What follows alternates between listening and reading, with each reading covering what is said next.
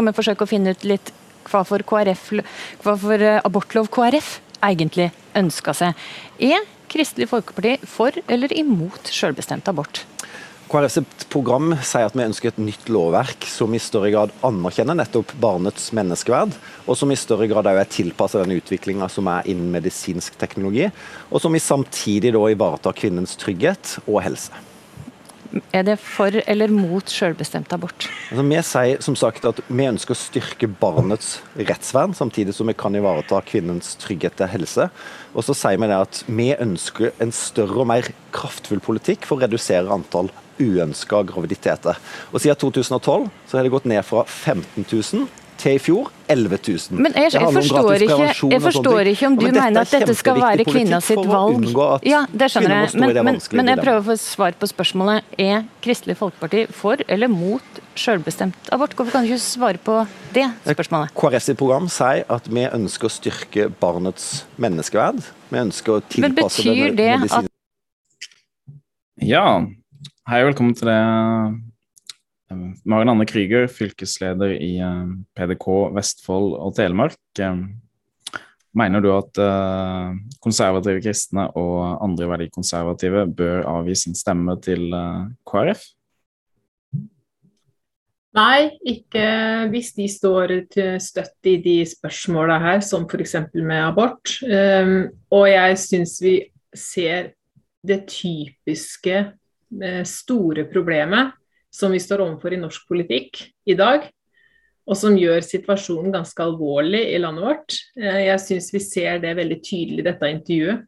For her har vi altså et parti som har vært tydeligere tidligere, men så ser vi i sånne upopulære Eh, temaer som f.eks. retten til selvbestemt abort. Det er ikke moro for Ropstad å stå der og skulle forsvare fosteret fra unnfangelsen eh, og nekte kvinner å bestemme selv. Det, det, er ikke moro, det er ikke populært. Men eh, så ser vi da hvordan han bøyer av, og det er jo typisk, for det gjør de også i så mange andre saker som de nettopp skulle stått og vært tydelige. Så jeg syns det er direkte nitrist å se det klippet her og vite at det er den virkeligheten vi forholder oss til. Og det var jo ikke bare, dessverre, det var ikke et dårlig intervju han gjorde, for alle kan jo gjøre dårlige intervjuer og, og ha en litt sånn uheldig dag. Eh, men vi har sett at eh, Jorunn Gleditsch Lossius, som er eh, KrF-representant på Stortinget, har, gjort, har sagt akkurat det samme på debatten med Fredrik Solvang nå denne våren. Eh, da trodde jeg at hun hadde gått på en kjempeblemme, men, men, så skjønte jeg det nå når Ropstad sa det samme. Så tenkte jeg at da er det faktisk der de står nå. Og så ser vi på plakater de leverer ut og plansjer som flyter på nettet, at eh, i abortspørsmålet så vil de da eh, stå på dagens eh, abortgrense ved tolv uker og kjempe mot en radikal utvidelse. Så det er der KrF er i dag, og det er utrolig trist. Det, det, som slår meg, er at det er sånn typisk for konservative generelt. At en, en han altså, at en alltid er på defensiven. Da. At hele tida lar seg presse lengre og lengre til Jeg vet ikke om jeg vil kalle det venstreside en gang lenger, inn i kulturradikalisme.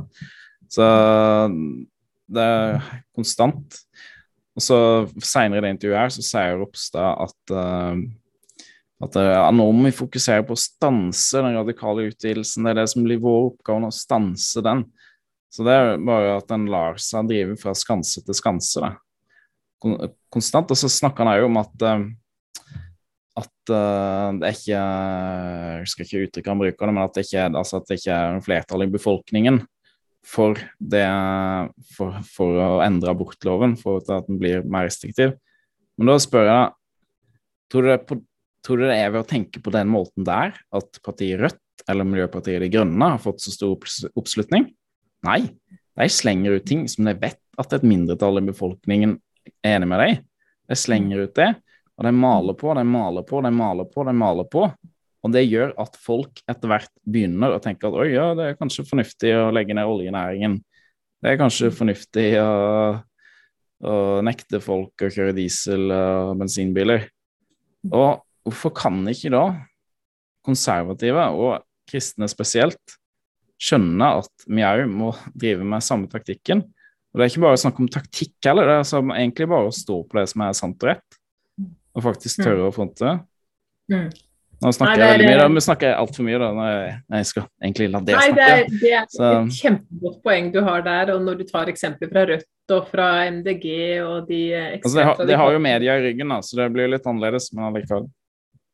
Jo, men likevel, for det er noe med det at man, hvis man sier en ting mange nok ganger, så blir det til slutt en sannhet, ikke sant. Sånn at eh, hvis, Det er jo det som er det store problemet i norsk politikk i dag, at vi har ingen på Stortinget faktisk som står opp på talerstolen og sier ut til nasjonalforsamlingen og til hele det norske folk hva som er rett og hva som er sant i mange saker. Det gjelder jo både abortsaken. altså Fosteret har ikke da et uh, fullstendig vern fra unnfangelsen. De har ingen forsvarere på Stortinget. Det var en tale som har florert på nettet, som eh, KrF eh, sin Jorunn eh, som jeg refererte til sted, Jorunn Gleditsch Lossius, er det vel hun heter.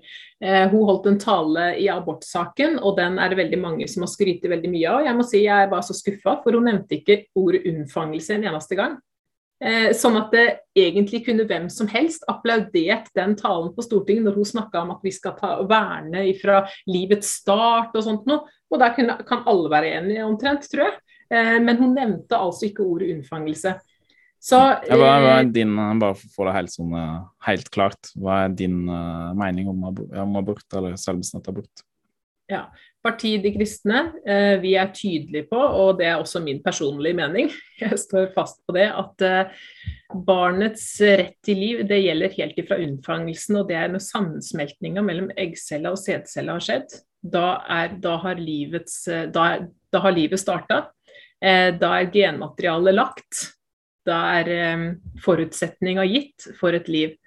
Eh, og da mener vi at eh, ingen skal ta abort. Så vi vil avskaffe abortloven. Forutsetning? Forutsetningen for, for, et liv, altså en eh, sammensmeltning mellom sædcelle og eggcelle. Det er det som skal til for at et liv blir skapt. Er det ikke et liv? Hva sa du? Er det ikke et liv allerede på det punktet? Ikke jo. bare en forutsetning? men Et faktisk jo, liv? Kan, jo, det, ja, det kan du si. Er, ja, det kan du si. Da, så da er livet skapt, og da eh, mener vi at ingen barn skal bli tatt livet av etter det. Um, og Mener du at det, er, finnes noen unntak? Nå prøver jeg bare å ja, litt. Beklager. Ja, det finnes noen unntak, men, eh, men, eh, vi trenger ikke abortloven for det, det, det, ene unntaket jeg mener. Da. Så vi mener at vi skal avskaffe abortloven. Fordi der hvor mors liv står i fare, der blir det i fare. Hvilket unntak tenker du på? Der hvor mors liv står i fare, mm. der må man vurdere liv mot liv, og da blir det ivaretatt gjennom annet lovverk. Derfor vil vi avskaffe abortloven. Eh, og så må, må, helsepersonell gå inn i de få eh, vanskelige tilfellene der hvor mors liv er i fare. Men det er en egen greie, og den trenger vi ikke abortloven for da. Ellers så mener jeg at eh, det er aldri noen grunn til å skulle ta livet av barnet. fordi at eh, om barnet ikke er levedyktig, så vil naturen selv ta hånd om det. altså da, der, da, skal barnet, Vi kan ikke vite heller hvor gammelt barnet kan bli. sånn at det, eh, det er farlig hvis vi skal gå inn og vurdere. Det kan ikke bli mer enn så og så mange dager eller timer eller uker. Eh, og så ser vi at der har jo leger også tatt feil eh, tidligere. Så, så det fins ingen grunn til at vi skal gå inn og være herre over når et liv skal avsluttes. Skal vi, der skal vi la naturen faktisk avgjøre det. Og så er det vanskelige tilfeller som alle spør om da. Hva er med voldtekt? Eh, og da pleier jeg å si det at jeg syns det er så ekstremt banalt eh, at vi sitter og snakker om at eh, abort er en god løsning for de som er utsatt for voldtekt. Fordi at det, eh, det å bli utsatt for voldtekt, det er så forferdelig ødeleggende for et menneske. Det er så grusomt eh, i et menneskes liv. Og da mener jeg at vi må ikke snakke om det å ta livet av resultatet av voldtekten som en god løsning. Fordi vi vet at det å gå inn og avbryte et svangerskap hos en kvinne, det i seg sjøl skaper en ubalanse og er unaturlig for kroppen, og det kan føre til depresjon. Så det bli, kan i mange tilfeller bli stein på byrden da, eh, for en uh, voldtektsutsatt kvinne. Så jeg mener at det, i de forferdelige tilfellene med voldtekter, og det er det dessverre veldig mange av, det er, det er, mye voldtekter i Norge i dag. Og jeg mener at det blir litt underkommunisert. Eh, ja, det er vel ikke så mange som endrer i, det er ikke så mange som endrer i graviditet, selv om det er mange voldtekter. Det er en helt forferdelig forbrytelse som straffes altfor lavt, mener jeg. Ja, men, det, men, men, men, eh, men, det er jo ikke så mange som endrer i graviditet.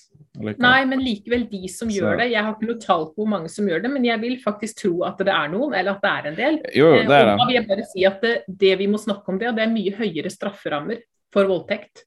Og vi må sette inn mye mer ressurser fra politiets side. I dag blir et ekstremt høyt antall av straffesakene rundt voldtekt det blir henlagt ja. på bevisets stilling. Eh, det er vanskelig å bevise. Og så, ikke minst, så må vi slutte å tenke at det er en god løsning å gi denne dama eller jenta en, en, pille, og så sende henne hjem og overlate henne til seg sjøl. Altså, det er så groteskt og fælt. Det er ikke, det er ikke vår, vår, stat verdig. Vi mm. skulle da stilt opp med helsepersonell, og vi skulle stilt opp med psykologhjelp og jevnlig oppfølging i lang, lang tid. Hele graviditeten og mye lenger enn det. Men i dag ser vi at det er faktisk vanskelig å få psykologhjelp. Så det er mange andre tiltak vi må sette inn når noen blir utsatt for en voldtekt, fordi det er helt forferdelig. Eh, mm. men å snakke om at et, eh, en god løsning er å ta livet av barnet, det mener jeg det absolutt ikke er. For det er, det, det, det er, ikke naturlig. Det skulle ikke være naturlig for en mor å ta livet av barnet sitt. Vi må heller eh, sette inn ressurser på andre måter for å hjelpe disse voldtektsofrene. Mm. Ja, jeg er helt enig. Helt enig. Helt enig. Um, la oss gå over til en annen sak. Uh, vi har jo en diskrimineringslov i Norge straffe i paragraf 185 er det vel i straffeloven, der, uh, som ble utvida. Som ble uh, i januar. Den ble vedtatt en gang i fjor, men den ble implementert i januar.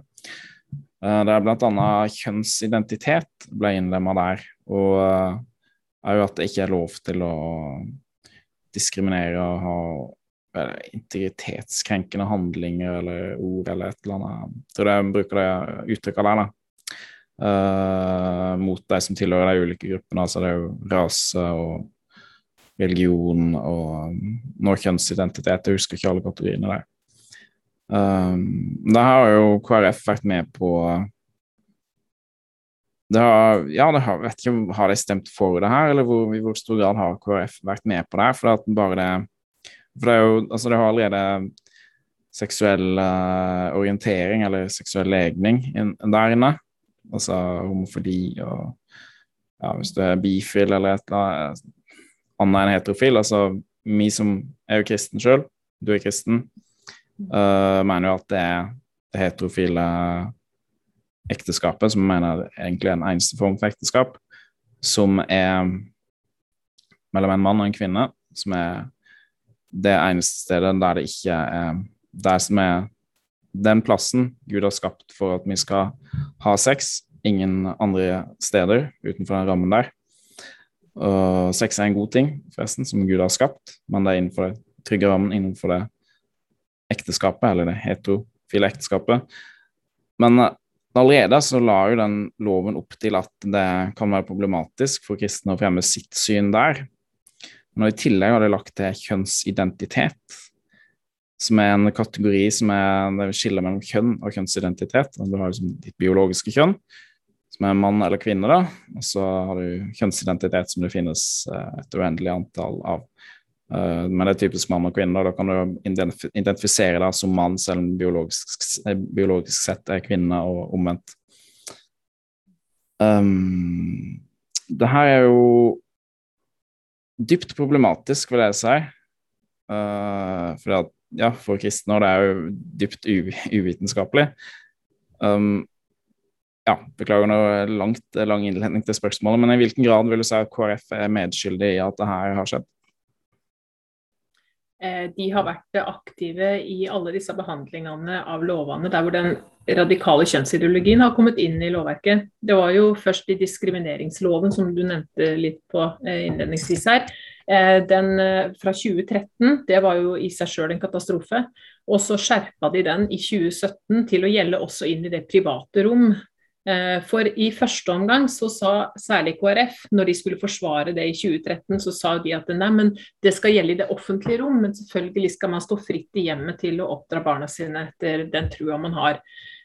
Så de, sa, de var tydelige på det. Men så så vi hvor langt det rakk. Så var de med på å stemme for, altså, til at den skulle gjelde inn i det private rom. Eh, og så sa de på det tidspunktet at eh, For da var det noen som stilte spørsmål ved menighetene. Hvordan skal menighetene kunne forkynne Guds ord ut fra deres overbevisning da? Eh, og det tradisjonelle bibelsynet. Hvordan skal det fungere? Og da sa de nei, det er et stor trosfrihet i Norge i dag. Og så så man at det kom et lovforslag på endring i trossamfunnsloven, eller opprettelse av en ny trossamfunnslov i den ble vedtatt nå sist år, i fjor, for et år siden. Der var også KrF med på å stemme diskrimineringslovgivninga inn i trossamfunnsloven. Så da gjaldt den også altså inn i menighetene og lovene de er regulert under. Og så var det straffeloven i hatparagrafen 185. Når, når ble den diskrimineringsloven stemt inn i, i trossamfunnsloven, sa du? Den, den blei gjeldende fra januar dette året. 1. Så den ble stemt gjennom for et år siden ganske nøyaktig, eller på våren da, mener jeg. Og den har jo fått store ringvirkninger nå. Men også har vi altså straffeloven også, som du nevner, hatt paragrafen. Og det er veldig spesielt å ta det inn i straffeloven, for da er vi regulert der alle sammen. Altså. Da blir vi altså kriminelle ved å, ved å bryte straffeloven. Og for en eh, politiansatt så betyr jo det at de jobber ut fra, nei, fra straffeloven og behandle lovbrudd begått mot den. Sånn at eh, for en politiansatt så vil det nå være helt, eh, helt naturlig å skulle gi ut bøter og etterforske saker som kan ende i fengselsstraff for å bryte paragraf 185. Eh, for altså å krenke mennesker med en kjønnsidentitet da, som er utenfor det normale. Og det er ganske spesielt at vi er kommet dit. Det, var en stor bøyg når det ble tatt inn i straffeloven. Og alle disse lovene, altså endte bare til slutt nå flaggloven, ikke sant, som det også ble stemt inn i, ved at ja. man kan heise andre flagg på offentlige flaggstenger enn bare det norske flagget. Det var nå denne våren. Så på, da bare den siste KrF stemte for denne? KrF har stemt for alle disse lovene. Alle disse lovene har KrF stemt for, og der store, den store kjepphesten er at man stemmer den kjønnsradikale ideologien. Den er altså ekstremt radikal. Eh, og de stemmer den inn i alle disse lovene. Og det som er spesielt, er at ved forrige valg så fikk vi jo høre fra alle kristenlederne i Norge omtrent at det var viktig å stemme taktisk, det var viktig å stemme på KrF eller på noen borgerlig, på borgerlig side, sånn at vi skulle få et, en borgerlig regjering. Og veldig mange hørte jo på det rådet der og stemte eh, på KrF bl.a. Og, og da ser vi altså resultatet de, de, har gått foran i alle disse lovene. Og så vil de si eh, at hvis ikke de hadde hvis ikke de hadde stemt for disse lovene, for det første så hadde det blitt flertall for dem uansett. og For det andre så hadde det kanskje vært eh, Arbeiderpartiet og venstresida som hadde vært med å utforme lovene da, og da ville det blitt mye verre. Og det er jeg enig i. Eh, det ville sannsynligvis blitt enda verre med en eh, sosialistisk gruppe som sto bak lovforslaget. Men jeg må si at eh, når, når har vi begynt å tenke sånn? At vi skal på en måte gi fienden rett? Eller gi det som er helt feil, gi det en, eh, en rettighet å stå på talerstolen og altså forsvare det. Forsvare den kjønnsradikale ideologien. For det er det de gjør, de står jo på talerstolen og forsvarer det. Eh, så de, retter ikke kritikk mot det de foreslår inn i disse lovene. Og så er det noen som da sier at det er jo egentlig ikke KrF som står for dette. Men jeg vil like å vite hvordan vet man det? Hvordan vet man at KrF ikke står for det? For de taler altså for det fra talerstolen, og de taler stemmer for det inn i lovene. Så hvem kan egentlig si at de er imot det? Og, og, når jeg i tillegg vet, for jeg har deltatt i noen debatter, jeg har vært med, det her er tredje valgkampen, jeg har vært med i noen debatter, og, og i, i, altså det er ingen jeg, jeg, har, jeg, har, ikke opplevd at KrF-representantene i de samlingene eller debattene jeg har vært med i, har, eh, har forsvart PDKs syn eller stilt seg på linje med oss. De er, KrF-representanten har faktisk nesten alltid vært blant de største motstanderne våre i debattene. Så når jeg f.eks. har hevda det med kjønnsideologi, for det har jeg hevda i hver debatt, for det tenker jeg er viktig å løfte fram, og da, da har KrF-representanten vært sånn der, veldig ivrig framme med å skal ha replikk. Å, og da jo, får jo de alltid ordet, for da er alltid debattleder veldig interessert. Hva mener KrF om det her? For da har jeg sittet og sagt noe som de syns er helt vanvittig. ikke sant? Og da vil de gjerne høre er KrF enig i det her. Og da vil de ta så sterk avstand. Og i, i noen debatter da, for to år siden, så sa de det at de var stolte. KrF var stolte av at de i regjering hadde fått gjennomslag for å bevilge mer penger fra statsbudsjettet til Rosa kompetanse inn i barnehage og skole. Og det var en seier for KrF. Det hadde de fått gjennom i regjering med Frp og Høyre og Venstre. Hvor, hvor, ble det her sagt? Hvor ble det her sagt? Det ble sagt på eh, Skien videregående skole på skoledebatt for to år siden. Og jeg eh, husker ikke helt hvilke andre skoler det ble sagt på. Husker du navnet til den representanten som sa det? Ja, han heter eh, Oddbjørn eller Oddgeir Nøsterud, og han er stortingskandidat for KrF dette, ved dette valget i Telemark. Han er, eh, han er, 22 år og han er ateist, det forteller han fra talerstolen. Han satt og banna fra podiet når vi har hatt, eh, vært på skoledebatter. Og fortalt at han kommer fra et kristent hjem, men han er ikke kristen nå lenger. Men han står for de gode verdiene som, PDK, nei, som KrF står for, og derfor er han med i KrF til stor applaus fra salen. Så han har eh, proklamert det, og det tenker jeg er litt viktig å si ut. For det er altså stortingskandidaten som KrF-medlemmen i Telemark har valgt seg ved dette valget. Det er han som kommer inn på Stortinget hvis KrF kommer inn. Så, så vi, og, og, han vil jo Førstekandidaten? Han, han er førstekandidat, ja.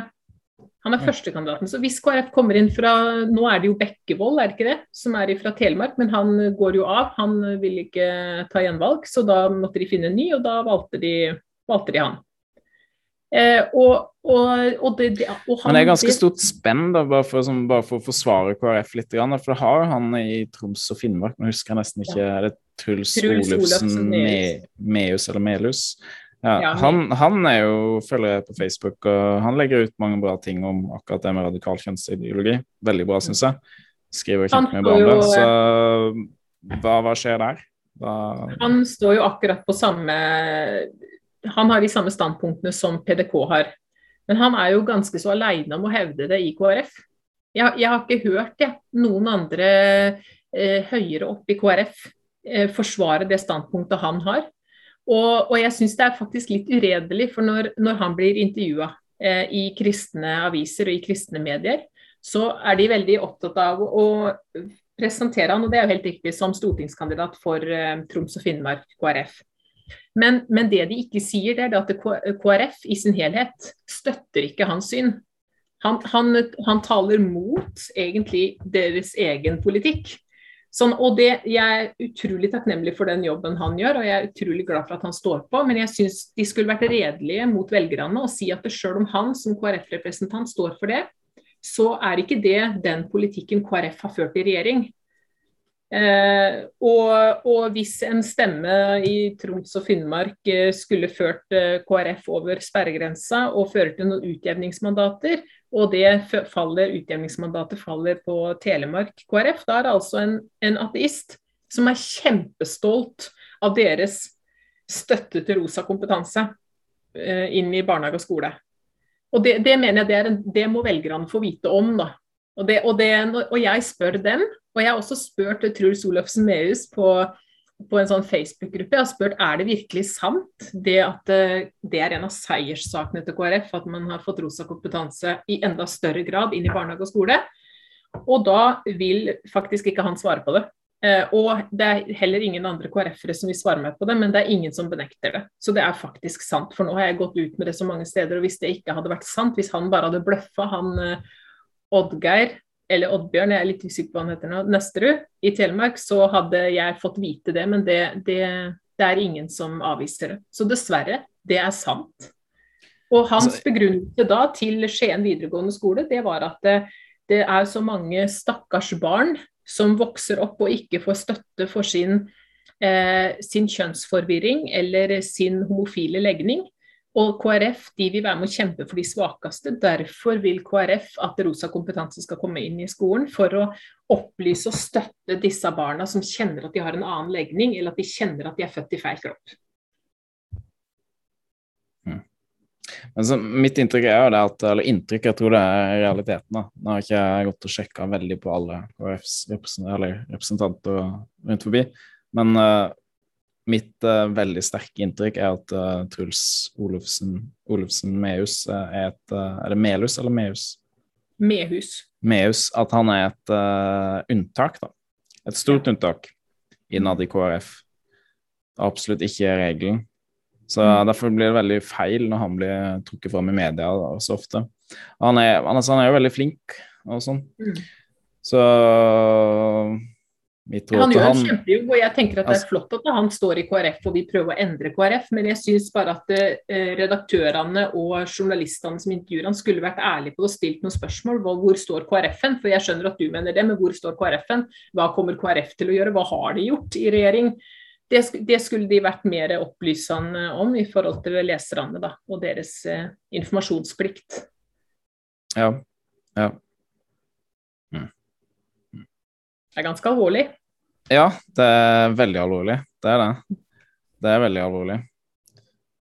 Det er det. I, for, i forhold til tror, det, Nei, ja. Ja. Altså, ja, du kan si det er trossamfunnsloven. Hvis det ja, for jeg, jeg, jeg, nevnte kort på den i stad. Det som er så spesielt, det er at det går så utrolig fort.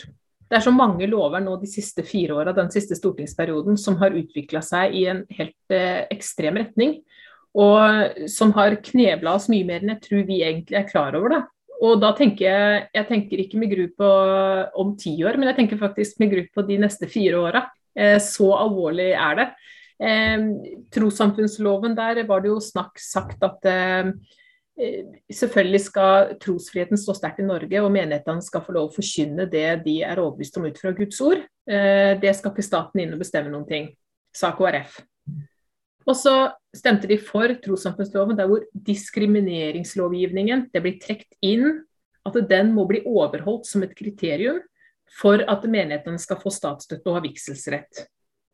Og så er det da menigheter som eh, i år Den ble altså gjeldende 1.1. Den ble stemt igjennom i fjor, og så ble den gjeldende 1.1, for det er da 1.1 disse lovene blir gjeldende hvert år. Og så er det noen menigheter nå da, som har søkt om statsstøtte, eller, og som har fått statsstøtte i mange år. Tradisjonelle menigheter. Så opplever de nå plutselig at nå fikk de et skjema hvor, hvor det sto en del kriterier som skulle være oppfylt for at de kunne få statsstøtte. Og det er nytt. Ja, altså, altså, det er statsstøtte, bare hoppe inn der. Altså, det er jo, folk kaller det statsstøtte, men, og det er greit at du kaller det altså, men, men altså, det er jo egentlig bare en refusjon av kirkeskatten. Så det er jo egentlig penger som en har betalt inn, og siden en ikke er med i Den norske kirke, så får en da tilbake til det kirkesamfunnet en er med i. Som folk snakker om at jeg må slutte å gi statsstøtte til ulike kirkesamfunn og sånn. Ok, greit, da må du slutte å kreve inn kirkeskatt, da. Fordi at uh, folk som ikke er medlemmer av Den norske kirke, så er det urettferdig at de skal finansiere den. Og det er det, den såkalte statsstøtten er bare at du får tilbake de pengene som du allerede har betalt inn. Så okay, kan fortsette. Ja. Eh, nei, og så får de da en lang remse, og da er det jo flere menigheter som, eh, som har sett gjennom den eh, rekka av kriteriene eh, om hva de må rapportere inn, og da ser de at det her, det her kommer vi ikke gjennom. Så de dropper da i år å søke om statsstøtte, for de ser at det her de, de, følger ikke loven for å skulle kunne få motta statsstøtte. Eh, men så er det noen andre menigheter som har prøvd seg på å søke, og da var det en menighet som søkte. Hva, hva, hva, hva er et typisk eksempel her? Er det sånn uh, f.eks. at um ja, altså majoriteten, majoriteten, av kristne i verden mener jo at uh, Det er minoriteten i Norge, men majoriteten av kristne i verden mener jo at, at, at uh, kun menn da kan bli eldste pastor, eh, prester, biskoper, eller hva en kaller, det i sitt kirkesamfunn. Så mm. det er jo alle romersk-katolikker, alle ortodokse, veldig mange mm. Ja, veldig mange innen protestantiske kirkesamfunnet. Mm. Så særlig hvis en går til Afrika eller mm. Amerika eller Sør-Amerika eller utenfor, uh, utenfor uh, Nordvest-Europa, mm. så er det typisk en ting at du må si noe om at du prøver å få, få kvinner inn i f.eks. et eldsteråd, som de fleste ja. kristne i verden mener at kun skal bestå av menn. Mm. Det er ja. Eh, typisk det er kriteriet at det skal være likestilling med tanke på kjønn. Så det skal Eh, kjønn, eh, kvinne skal ikke utestenges fra noen organer i et trossamfunn. Og Du kan høre her hva de egentlig For da er det en menighet som hadde skrevet eh, For de må jo oppgi ditten og datten. Og da hadde de skrevet For å kunne inneha lederverv, og det altså lederverv, så må man identifisere seg med og arbeide for fremme av trossamfunnets læregrunnlag, både verbalt og som eksempel. Og som menigheten sier her, at den som skal være leder, må identifisere seg med trossamfunnets læregrunnlag, både verbalt, både med ord, og som eksempel, det livet man lever. Eh, og, og så har de skrevet videre at det vil kunne innebære begrensninger. Også, det er ikke opp, sier um, statsforvalteren, uh, eller hvem det er som har sendt dette brevet. Så sier de det er ikke oppgitt hvilke begrensninger dette eventuelt, eventuelt er. Så, eh, så, det holdt altså ikke å si det da, så da fikk de brev tilbake. Og så sier de da innledningsvis vi viser til krav om statstilskudd, årsrapport, medlemsliste, regnskap og revisorberegning som ble mottatt den blablabla. Vi kan ikke se å ha mottatt et tilstrekkelig utfylt årsrapportskjema. Dere må sende oss et mer utfyllende Nei, vi kan ikke se at årsrapporten inneholder tilstrekkelige opplysninger om tilstanden når det gjelder likestilling mellom kjønn mellom menn og kvinner i trossamfunnet. Dere må sende oss en mer utfyllende redegjørelse for den faktiske, og så er det understreket faktiske, tilstanden når det gjelder kjønnslikestilling i trossamfunnet. Den faktiske tilstanden omfatter kjønnsbalansen i trossamfunnet, herunder kjønnsfordeling i samfunnets styrende organer også. Det vil si at samfunnet må gjøre rede for hvordan kjønnslikestillingen faktisk er i samfunnet på nåværende tidspunkt. Også, Vi kan ikke se at årsrapporten inneholder tilstrekkelige opplysninger om hvilke begrensninger trossamfunnet har eller praktiserer når det gjelder tilgang til egne aktiviteter, styrende organer, verv eller stillinger som har sammenheng med ett eller flere diskrimineringsgrunnlag. Dere må sende oss mer utfyllende redegjørelse for hvilke begrensninger samfunnet praktiserer knytta til dette. Så er det enda flere ting som trekkes inn, egentlig, etter og flere ja. diskrimineringsgrunnlag. Ja, og så sier de i siste avsnitt jeg skal lese her.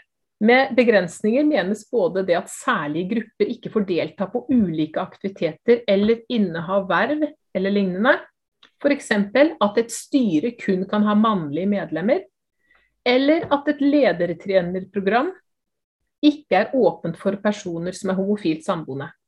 Og så remser de opp diskriminering. Står det helt eksplisitt? Ja, det står. Og så står diskriminering... Det er sendt fra myndighetene? Ja. Ikke er åpent for folk som er homofilt samboende. Det, står helt eksplisitt. Mm. Og så sier de da til menigheten hva som kan være et diskrimineringsgrunnlag, og det kan være kjønn. Det kan være graviditet, at man ikke får jobb fordi man er gravid. Det kan være omsorgsoppgaver, eh, etnisitet, religion og livssyn. Religion og livssyn, til og med? Det er jo helt spesielt. Og så funksjonsnedsettelse, seksuell orientering, kjønnsidentitet, kjønnsuttrykk og alder. Det er altså Det her kommer et halvt år etter at loven ble vedtatt. Så sliter menighetene i dag med å få statsstøtte. Så, så, hvis en sier egentlig at uh, Hvis en nekter en muslim da å bli, pass, bli med i eldsterådet i en menighet, så er det egentlig uh, grunnlag for at han ikke kan motsta, motta statsstøtte? Eller nekter en muslim å være med på et ledertreningskurs i menigheten for han sier til en muslim at du er jo ikke kristen engang? Du ja. Har altså, ikke, du har ikke noe, det gjør, gjør noe med å bli trent opp til å bli en kristen leder. Ja. Så det her er jo helt absurd. Altså, det er jo egentlig å bare annullere religion. Det er egentlig bare å si at nei, du kan ha et navn på det du driver på med, men du kan egentlig ikke tro på noe som helst. Du må tro på mm. vår mm. sekulære liberalisme. Mm. Mm. Det er jo det det er. Ja, det her er jo ekstremt totalitært. Ja, og derfor er det jo da nå menigheter som har fått statsstøtte i en årrekke, helt tradisjonelle menigheter, ikke noe ekstremt av noe slag, de eh, har i år droppa å søke, og eh, bare det ene eksempelet som vi har her, de som har søkt, en ganske stor menighet, som da fikk dette brevet, de har endt med at de fikk. Og at grunnen til at de fikk, det er fordi at de kunne vise til at de faktisk har 50-50 med menn og kvinner i eh, det øverste organet. Det kunne de vise til. Og så kunne de vise til at i vedtektene så står det ikke at eh, homofilt samlevende eller eh, noen av de andre her ikke kan ha lederverv. Det står bare det som vi har sagt her, at man må eh, fremme trossamfunnets læregrunnlag både verbalt og som eksempel, men det står ikke altså, at man derfor f.eks. ikke kan være homofil. Så, det, så, derfor kom de gjennom nå i år. Men det var jo på nære nippet med denne menigheten. Og det som er da, de sier jo ikke Det man gjør, det er at de sier jo ikke det de egentlig står for. Så hvis de hadde sagt rett ut at jo, men hos oss kan faktisk ingen homofilt samlevende eh, ha et lederverv, da hadde ikke de fått. Eller hadde de sagt at nei, hos oss er det faktisk bare menn som kan ha eldstestilling. Da hadde de heller ikke fått.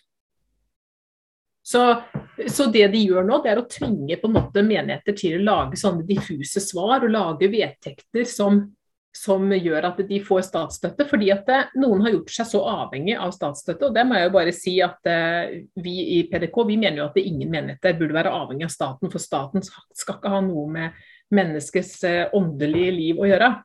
De skal, Menighetene må klare seg sjøl og bygge den på tienden og på gaver fra sine egne folk, eh, og ikke, ikke, bygge på statsstøtte. For da ser vi at staten kommer inn og kontrollerer. Og det som er fascinerende, det er at når KrF, da, for nå har vi snakka om KrF, og vi syns jo det er veldig spesielt at KrF stemmer for en sånn lov, for det her er jo resultatet. bare skyte inn på det.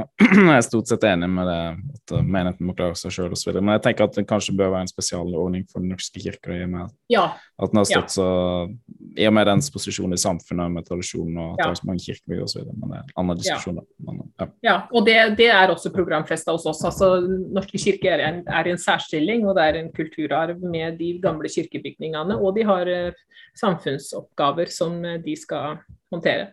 Så de er i en særstilling. Men det Ropstad sier, da, han sier at det er veldig viktig at det flest mulig menigheter får statsstøtte. Fordi da har man en dialog mellom menighetene og staten.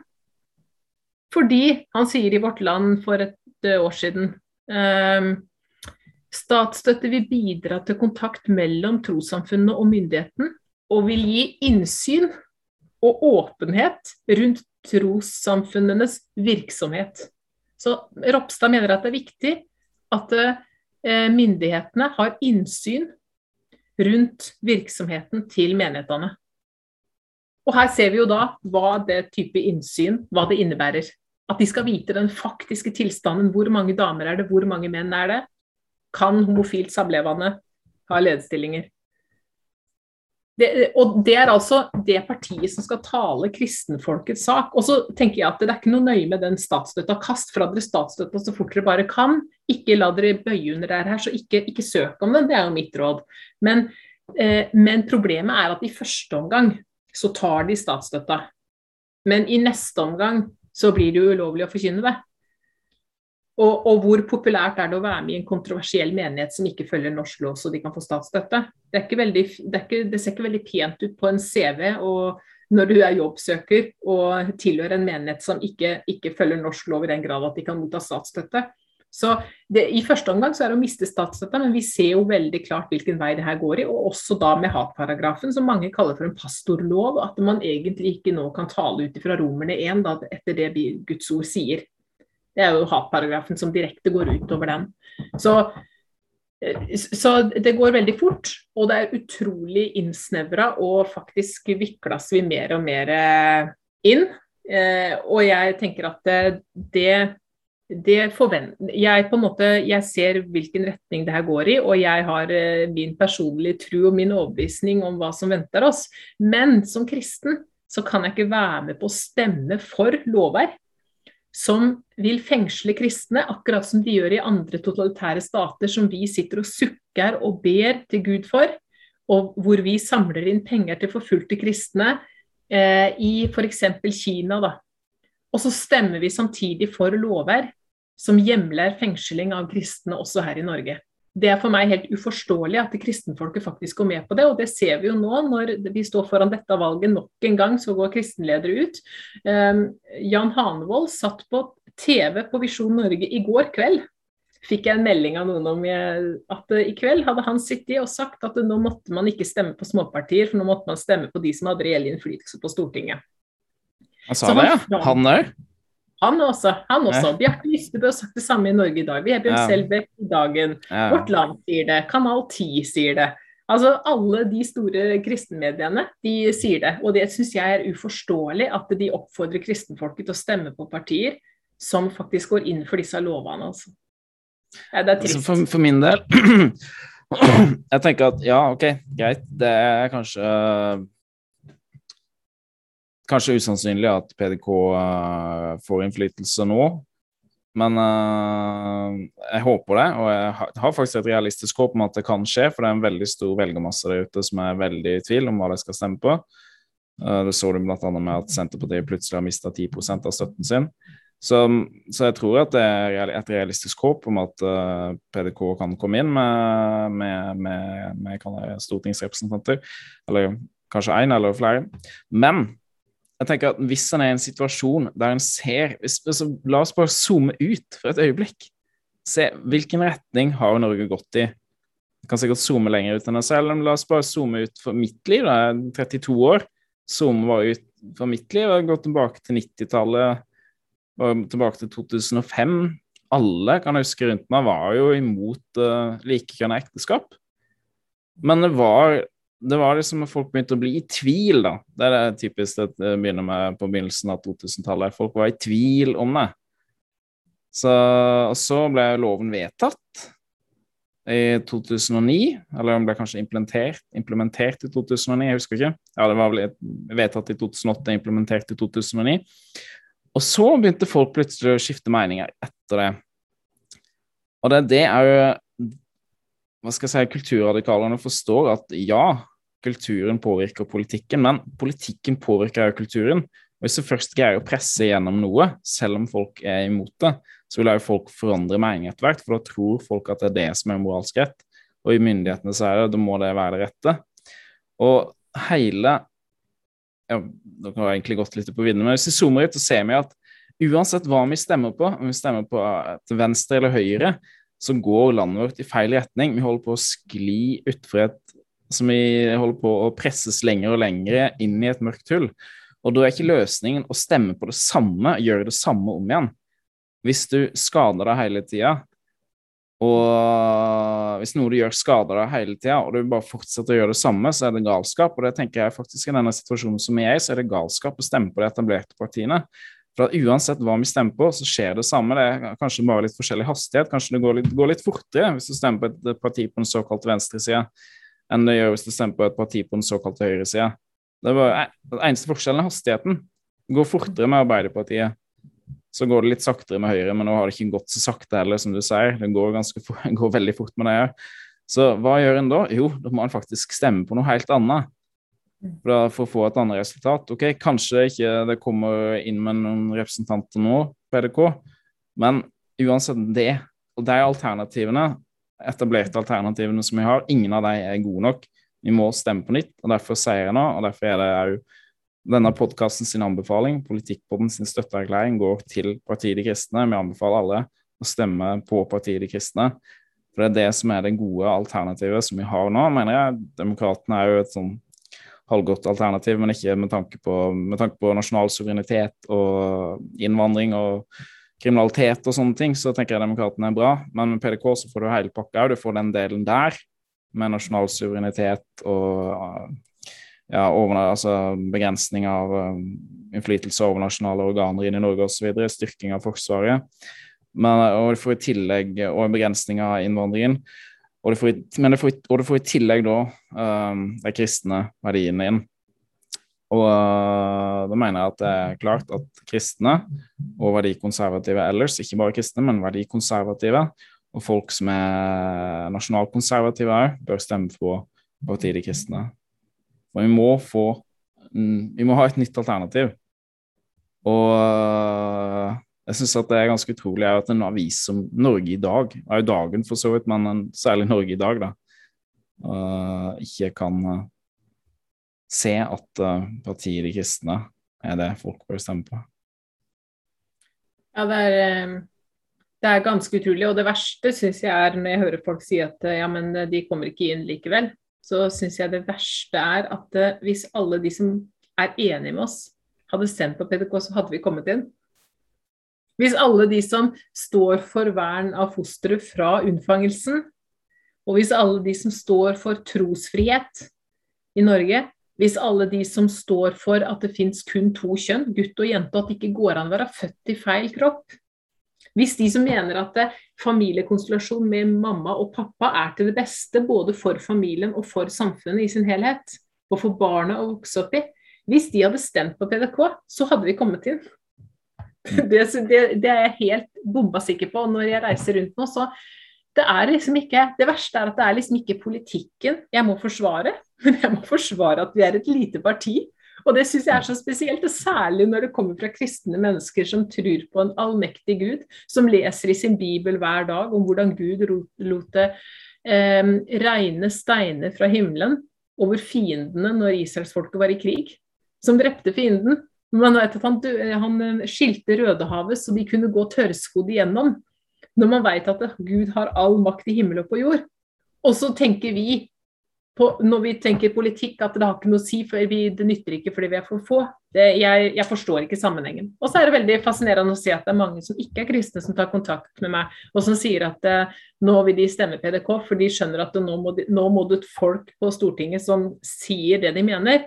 Og det opplever de at partiet De kristne gjør. Vi er ikke sånn politisk korrekte. Vi står for det vi mener, så i år kommer de til å stemme PDK. Det er veldig spesielt å høre mennesker som ikke har et kristent livssyn, si det. Mens kristne går og akker seg over at det, det nytter ikke, for dere er så små. Så derfor så stemmer vi for vår egen forfølgelse, liksom. Det, jeg syns det er merkelig, men det må, jeg, jeg, har skjønt at det nytter ikke å overbevise folk. altså Hver, en, hver og en må ta det ansvaret vi har som velgere i et demokrati.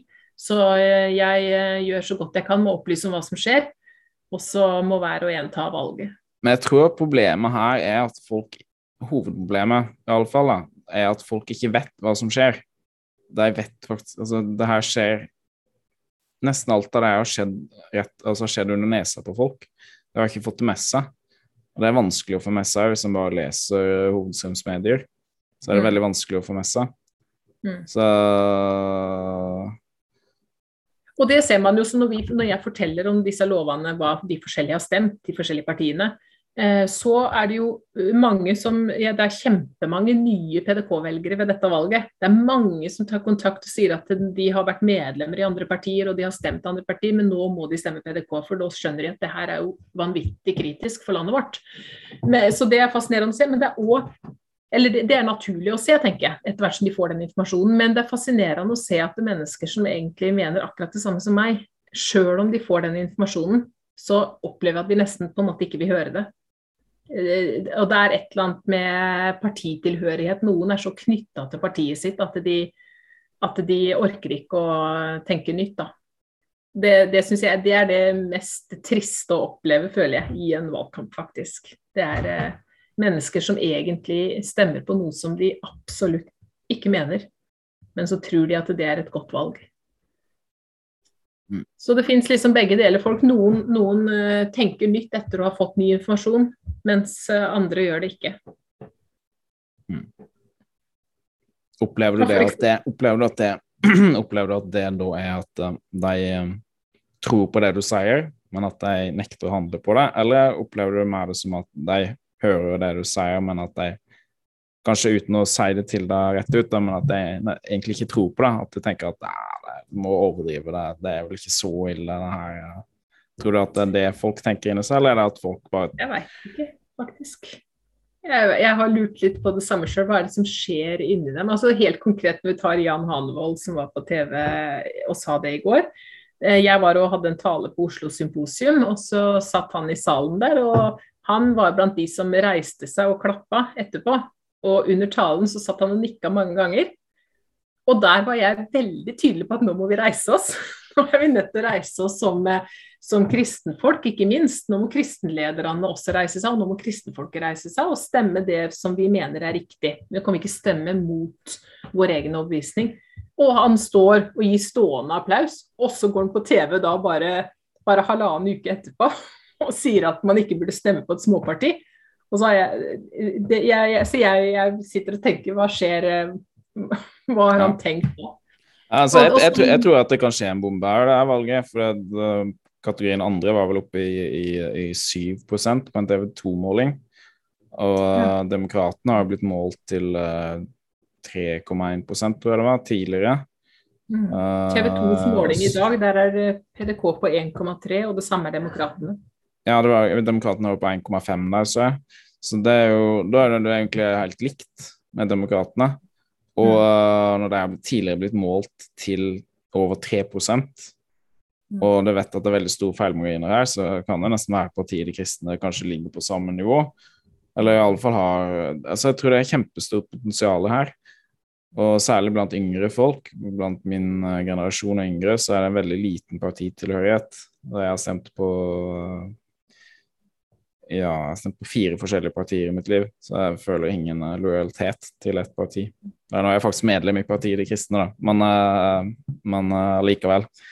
Så kunne jeg stemt på noe annet hvis jeg følte at det var det beste. Og rett før nå har jeg allerede forhåndsstemt på partiet De kristne. Så, men ja. Har du noen avsluttende, avsluttende ord eller appell til Nei, til bare... Eh, folk som er nasjonalkonservative, verdikonservative, konservative kristne der ute? Eh, jeg har i hvert fall særlig eh, en, av, en, en oppfordring til kristne mennesker i, i, Norge, og jeg antar at en del av de som ser på denne poden eller hører på den, er det.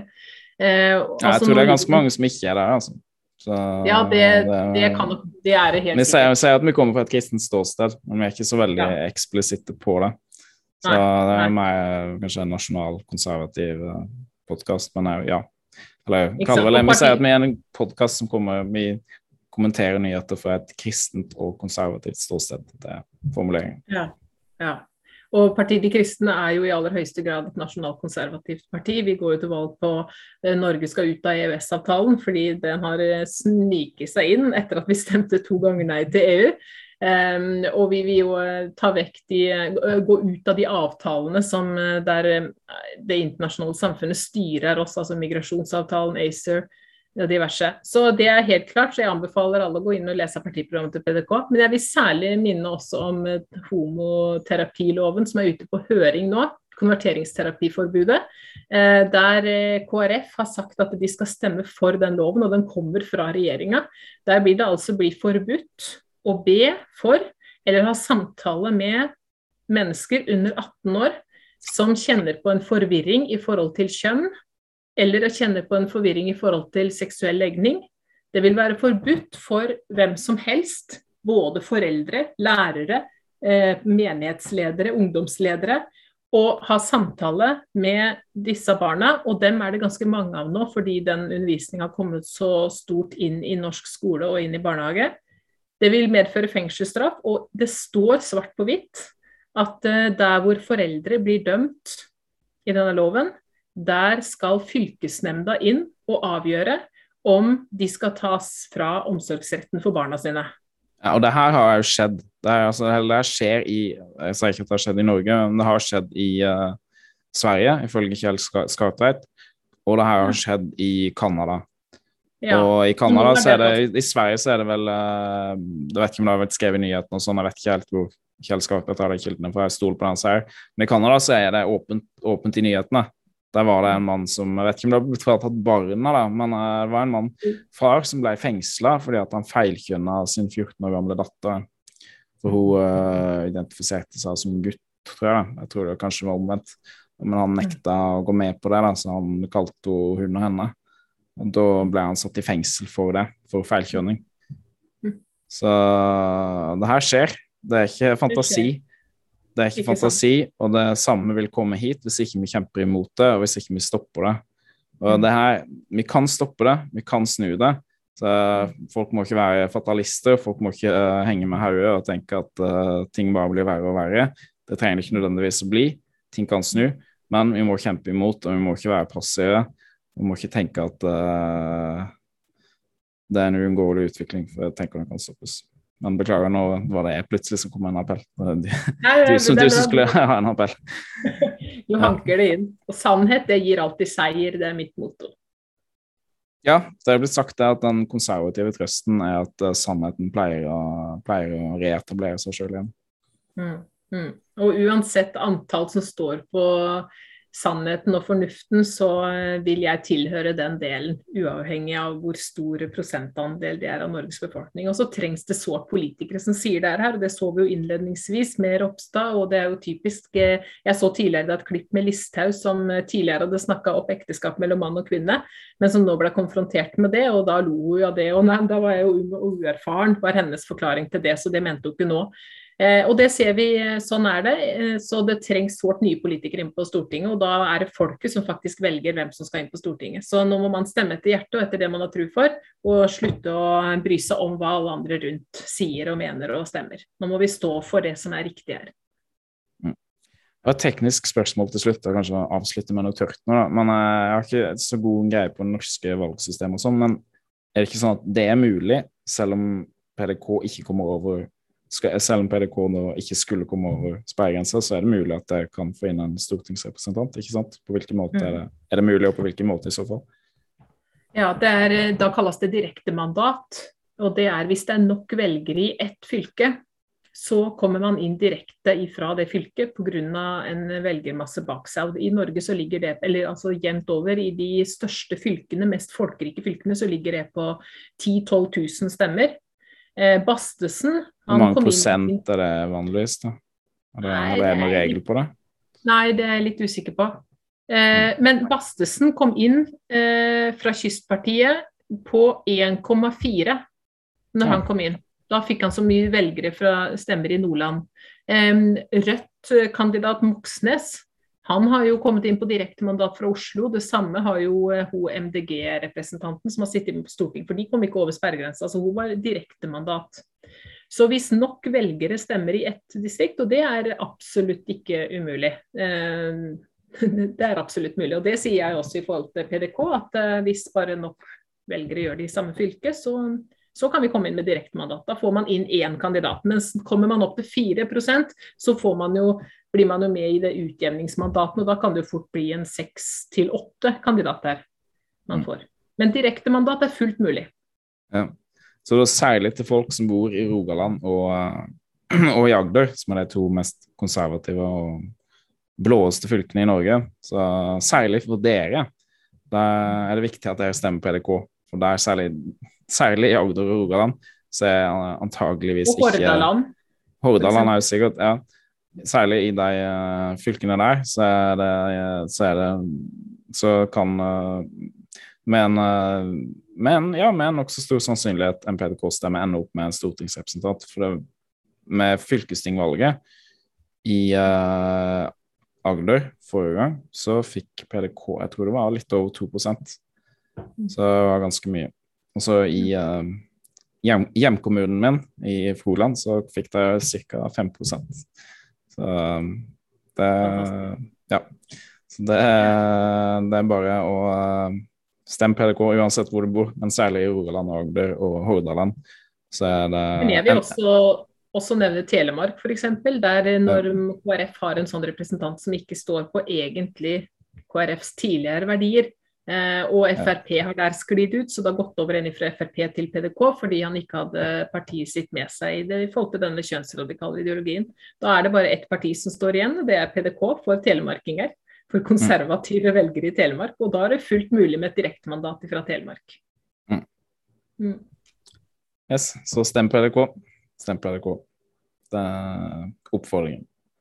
Yes, nei, takk, for at, uh, takk for at du var med, Marianne Krüger setter stor pris på at du uh, tok uh, ut en uh, time eller vel så det, jeg er usikker, fra din hektiske hverdag og hektiske valgkamp til å ha et intervju her på Politikkboden. Uh, når det gjelder ja, dere som har sett på, takk for at dere har sett på, og takk for at dere har hørt på Politikkboden. Uh, husk å trykke på liker på videoen, og husk å trykke på abonner eller følge oss uh, hvor som helst du er på YouTube, på Rumble, Spotify, uh, Google Podcasts, Apple Podcasts, uh, Podbean osv. Og, og følg oss på sosiale medier, på Facebook. Uh, Twitter bruker vi ikke så ofte, men særlig på to nye sosiale medier som jeg liker veldig godt, Telegram og på Getter. Så last ned Getter, last ned Telegram, følg oss der, og last ned òg den video Eller alternativet til YouTube, da. Video skal si Videoplattformen Rumble er jo som app som er konkurrent til YouTube. Som uh, jeg sa for to ganger siden, så har dokument blitt kasta ut av YouTube. Så jeg er nå kun på Rumble med video. Så det samme kan òg skje med oss, pga. det vi står for her. Så vi er en liten kanal, så vi har jo ikke blitt oppdaga. Så det er usannsynlig at det skjer med oss før vi har noen tusen abonnenter. Så, men uh, allikevel, abonner på oss på Rumble og last ned appen der, så du slipper plutselig ikke finne oss ennå. Så yes. Da ses vi neste gang. Når blir om to uker, så blir det Jonas Stava som skal ha podkast, forresten. Vi skal prøve å ta, spille inn én podkast i måneden hver, sånn at det blir mindre arbeid på oss, men det er for flere podkaster. Så om to uker fra nå så kommer Jonas Stava til å komme ut med en podkast, og så to uker derfor igjen så kommer jeg med en ny podkast. Det blir hver andre uke framover. Yes, takk for at dere hørte på. Så får dere ha, en, uh, ha et uh, godt valg, og stem PDK.